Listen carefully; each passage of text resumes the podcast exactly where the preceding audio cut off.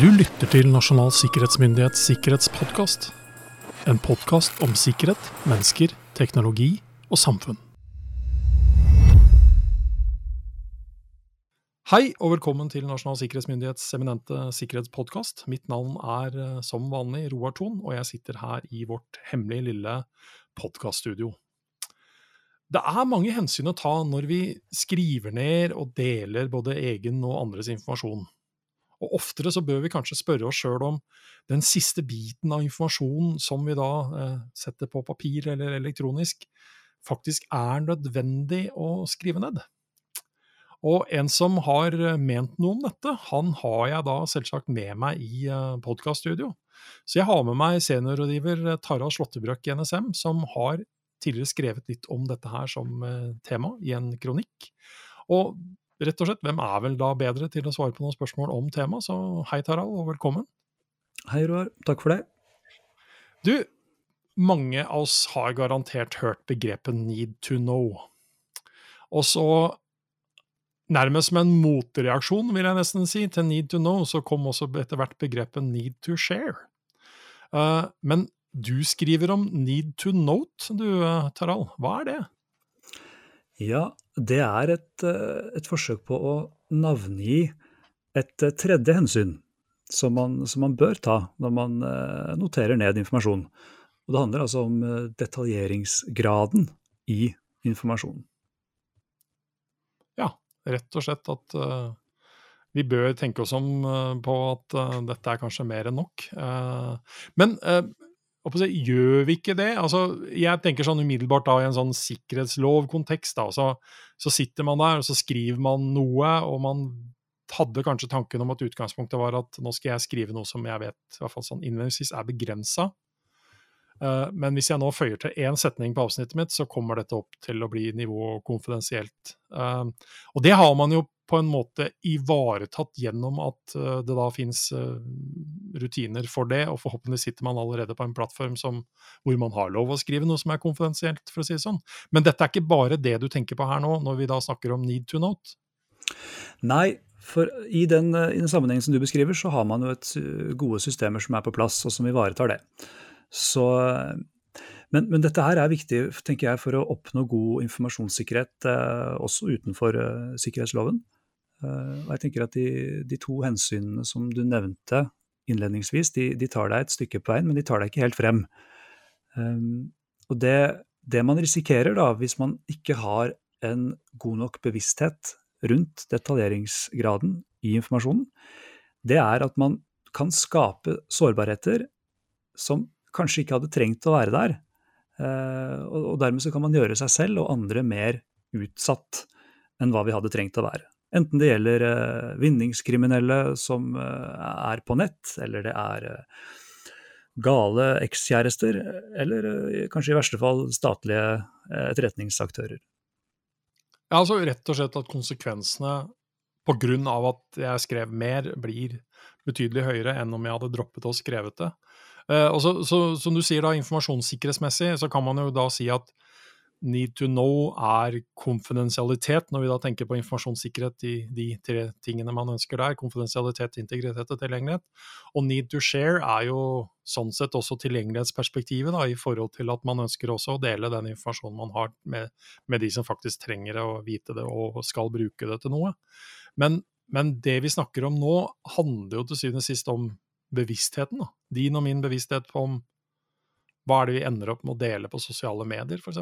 Er, er det nødvendig å, å, skrive dette her, og forstår vi fullt ut konsekvensen og hva det kan misbrukes til også? Ja, det, det er som du sier. Og, og man, man, snakker jo noen ganger om et, uh, om et puslespill med mange små biter.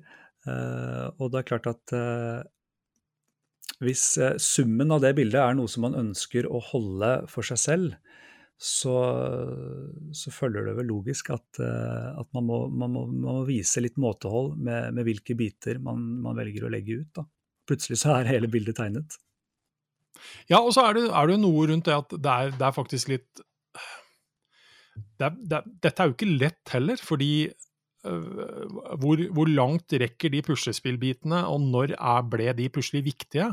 Jeg husker et eksempel tilbake i 2008, når vi sånn alvorlig begynte å informere om, om en del sikkerhetsutfordringer ved, ved, statsansattes, og da kanskje innenfor politi, forsvar osv., bruk av sosiale medier, da, spesielt da Facebook, som var det store liksom, lokomotivet som dro dette med sosiale medier gjennom, gjennom verden hvor vi gjorde et poeng av at ok, når man la ut uh, klassebildene og masse for uformelle ting knytta til kullene på Politihøgskolen f.eks., så burde man også da i den sammenhengen tenke litt igjennom på at der og da er det kanskje ikke problematisk, men det kan være det om fem år, når noen av de som da befinner seg på det bildet, og som da har både skrevet og gjort en del ting, viser seg å ha behov for å ha en helt uh, et helt annet behov for anonymitet, og kanskje det faktum at man ikke engang ønsker å vite at man har uh, gått Politihøgskolen? Ja, det, det, det, tenker jeg også. Og når du nevner det, så, så satt jeg en gang eh, for noen år siden, begynner å bli, på, på første benk eh, første skoledag på den skolen.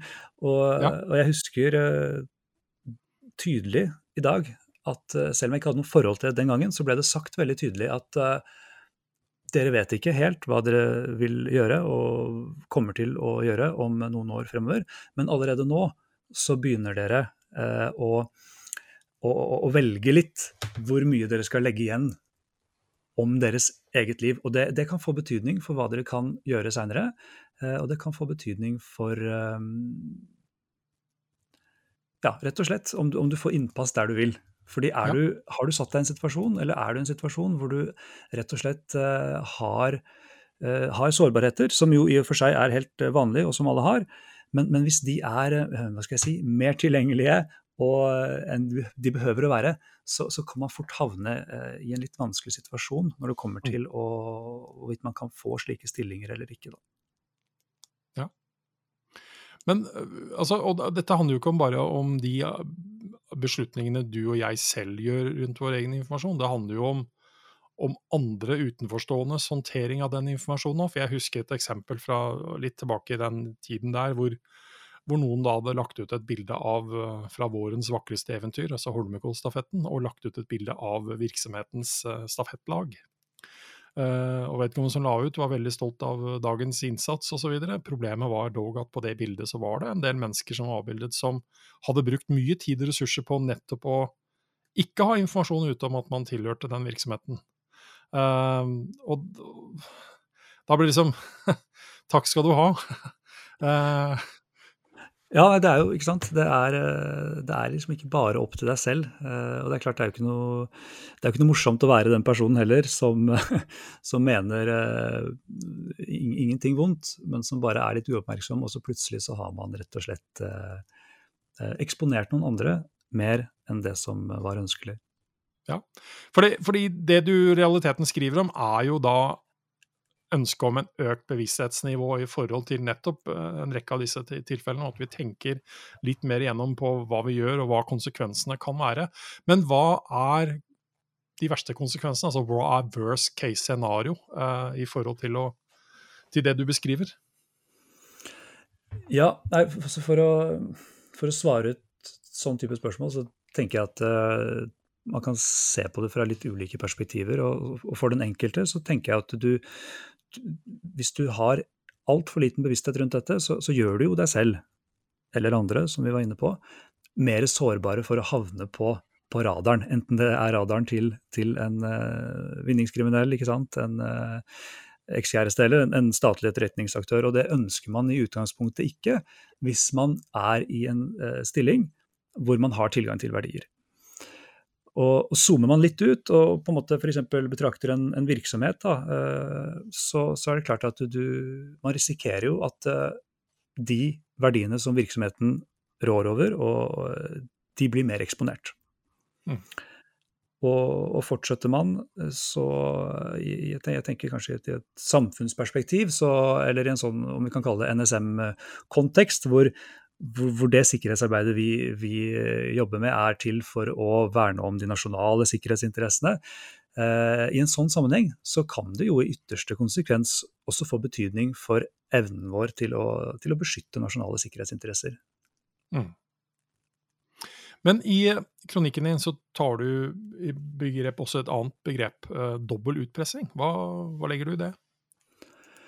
Ja, i dobbel utpressing så, så angriper jo da hackere datasystemets funksjonalitet og stjeler informasjon. Og Deretter så truer de med å publisere sensitive detaljer hvis du ikke betaler. Dermed får du denne dobbeltheten.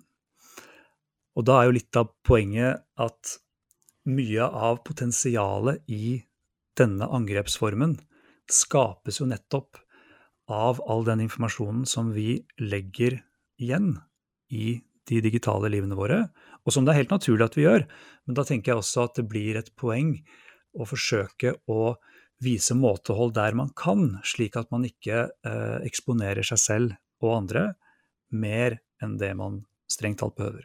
Og Det kan være en vanskelig balansegang, for all del. Eh, men en bevissthet ja, rundt det. Den, den skal vi komme tilbake til om litt, men jeg ønsker bare å si at okay, det du beskriver, er jo da den settingen at uh, spesielt introduksjonen av det vi kaller løsepengevirus, altså ransomware, kryptering av uh, virksomhetenes uh, systemer, nedlåsing av alt, har jo hatt ekstremt stor effekt i negativ forstand for veldig mange virksomheter i både inn- og utland. Men etter hvert som man også greide å finne mottiltak mot å bli offer for dette, så utvikla også de som angriper en annen metode. Og det var jo rett og slett da å ta kopi av de samme dataene man krypterte, og så bruke det nettopp, som du sier, Tarald, til en dobbel utpressing, ved at man sier at hvis dere ikke betaler, så publiserer vi den informasjonen. Og da er vi jo litt mm. sånn på den måteholdsdelen, for jeg tenker sånn når, når virksomheter blir utsatt for dette, og ikke minst da trusselen om at man også kommer til å publisere informasjon, så lurer jeg litt sånn noen ganger på om det finnes mennesker i den virksomheten som da gruer seg litt på hva er det som nå kommer ut. Eh, fordi jeg jobber på HR og vet at jeg har skrevet noe om Ola, at han bør absolutt ikke få mer enn lønn, han er en slask osv. Og, så og jeg har kanskje ordlagt meg litt sånn ja, dårlig, da, for å si det sånn. Eh, det var kanskje trygt å gjøre det når jeg satt bak eh, PC-en og plattformen, men det egner seg ikke så veldig godt i offentligheten. Nei, nei, ikke sant. Og da, det er klart at uh, mye av informasjonen om Ola vil jo, uh, vil jo sikkert, får vi tro, være relevant. Og så lenge den er det, så er det også riktig at den er der. Uh, og naturlig at den kommer på avveie når det først har skjedd. men det er klart, i, ja, hvis vi holder oss innenfor en sånn HR-kontekst, så, så, kan det jo også, spesielt hvis det er konflikter på arbeidsplassen, så kan, fort, kan fort tilgangen på informasjon bli større enn hva behovet er eh, når man behandler saken i HR-sporet. Hvis det er sterke meninger, det er karakteristikker osv. Og, så og da er det fint, tenker jeg, at man har klart å vise måtehold og ikke eh, notert ned informasjonen bare fordi den er tilgjengelig og fordi den er der. Eh, jeg tror det er en, en god øvelse å, å ha, eh, ha, fokus på hva som er formålet og hva som er, er nok. For veldig ofte så vil det være mye mer informasjon tilgjengelig enn hva man kanskje egentlig trenger.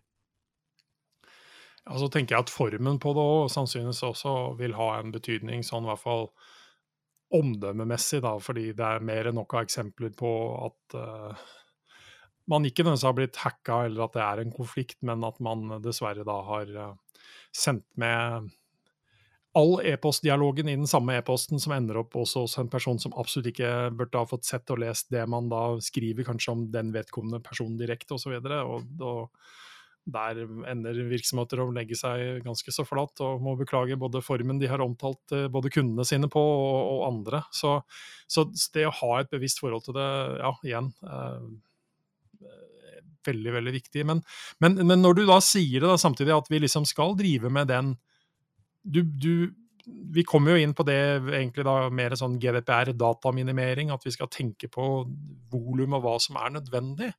Men hva sier for eksempel, for det slo meg når jeg leste dette her, da. Eh, du jobber jo opp mot eh, masse jurister i NSM osv. Hva, hva sier sånn juristene generelt til at uh, vi noterer for mye? For sånn, hvis jeg generaliserer, så vil jeg tro at de egentlig ønsker seg ganske så mye informasjon, og at notoriteten er, er bra for å kunne bruke informasjon til noe.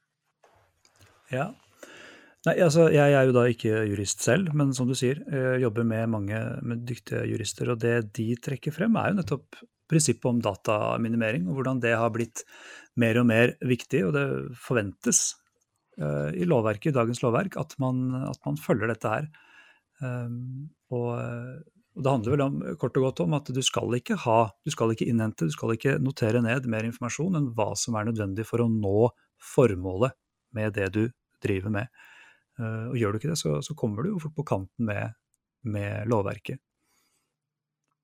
Men når vi, når vi, i realiteten sier det vi sier nå, eh, og vi snakker om konsekvenser ved hacking og den type ting, sier vi ikke i realiteten at det er en slags sånn fallitterklæring for eh, evnen vår, altså ikke vår NSM, men altså evnen i samfunnet og virksomheter til å passe på det godt nok på den informasjonen? Jeg tror nok at mange gjør gode vurderinger her hver eneste dag og tar ansvar selv. Um, men så er det jo sånn at det er jo ikke bare opp til oss selv å passe på informasjonen. For vi er jo også avhengig av at andre, de vi deler den med, også klarer å passe på den. Og vi ser jo det at det er jo ikke alltid tilfellet at det skjer. Nei, og vi har, vi har jo ikke valget heller. altså et eksempel da, som er kanskje sånn velkjent, som vi har sikkert snakket om nesten altfor mange ganger i podkasten her, det er jo vår egen evne til å håndtere våre egne passord, f.eks. Eh, vi tar snarveien, bruker det samme passordet på 30 forskjellige tjenester. Og det betyr jo at vi indirekte sier at vi stoler på de 30 tjenestenes evne til å passe på det passordet på en god nok måte, at det ikke ender opp i friluft. Og så må vi si at all erfaring tilsier at med volumet 30 så er det nok ikke alle som greier å passe på det på like god måte. Så kommer det på avveie, og så er vi i gang. Og så rammer det ikke da bare den ene tjenesten som ikke viser seg å være vår, vår, tillit verdig, men det rammer også oss selv gjennom at uh, det eksponeres andre tjenester vi også bruker, som, uh, som igjen da totalt sett blir, kan være ganske så katastrofalt for oss. Ja, og det er, det er en situasjon som du Eh, hvor det er ting du ikke får påvirket. Du, som kunde så får du ikke påvirket hvordan bedriften eh, som du er kunde i, eh, ivaretar informasjonen din. Men det er klart at du, du har mulighet til å gjøre gode vurderinger eh, idet du legger informasjonen igjen der. F.eks. ved å gjøre som du sier. Bruk et unikt passord, ikke bruk det samme overalt. Men det slår meg, slår meg litt inn på at vi, vi kan gjøre noen valg sjøl, og så er det selvsagt ikke opp til oss som enkeltindivider å bestemme overalt som samles inn om oss, eh, sånn rent prinsipielt. Og dermed så blir det ganske viktig, mener jeg, bl.a. for statlige virksomheter å ha sikkerheten sin i veldig god orden. Fordi det vil være et så enormt tillitsbrudd når vi da samtidig Når, når enkelte da etater med loven i hånd samler inn informasjon plasserer den inn i store, store datamengder som, som, blir potensielt store honningkrukker for de som måtte være interessert i det. Og når man da i tillegg ikke følger opp med god nok sikkerhet, som gjør at man ender opp med et eller annet eh, kjempeinnbrudd, så faller jo tilliten, eh, rett og slett. En tillit vi er ganske avhengig av å, å ha i samfunnet vårt til viktige samfunnsinstitusjoner. Absolutt. Absolutt. Jeg tenker at uh, måtehold, det er en dyd. Og det, det, kjenner vi fra, godt fra før. Det gjelder i mange sammenhenger, og også her. Ja. Så det bør ikke bare samles inn for å samles inn, og vi bør heller ikke bare si, uh, utlevere oss selv i alle tenkelige sammenhenger uten å ha et uh, bevisst uh, forhold til det. Så ja, rett og slett, dette er noe å tenke på i mange sammenhenger, tror jeg. Både for oss som privatpersoner på hva vi velger å uh, utlevere selv uh, i mange sammenhenger. Uh, det handler om hvordan vi forvalter den informasjonen både som ansatte, hvordan vi forvalter andres informasjon òg, egentlig både som privatpersoner og ansatte, og ikke minst også for virksomheter og andre på hva de ender opp med å mene at de har behov for av informasjon også. Så oppfordringen gjennom si, både kronikken din og, og, og, den samtalen vi har hatt nå, Tarald, om at man har et bevisst forhold til need to know, den tror jeg står seg veldig godt, og må sannsynligvis også gjentas uh, uh, over tid. Um, need to note har ikke vi kanskje fulgt helt ut nå, for nå har vi vi har ikke bare prata om det, vi har tatt opp samtalen nå. og det var vi rett og slett nødt til hvis noen skulle kunne lytte på oss. Um, og det håper vi jo at uh, Hører du på dette, så har du jo lytta, for å si det sånn. Så jeg takker for en hyggelig samtale jeg, om et viktig tema, Tarald. Og så ønsker jeg både deg og alle andre som hører på, en trygg og sikker dag videre. Hei!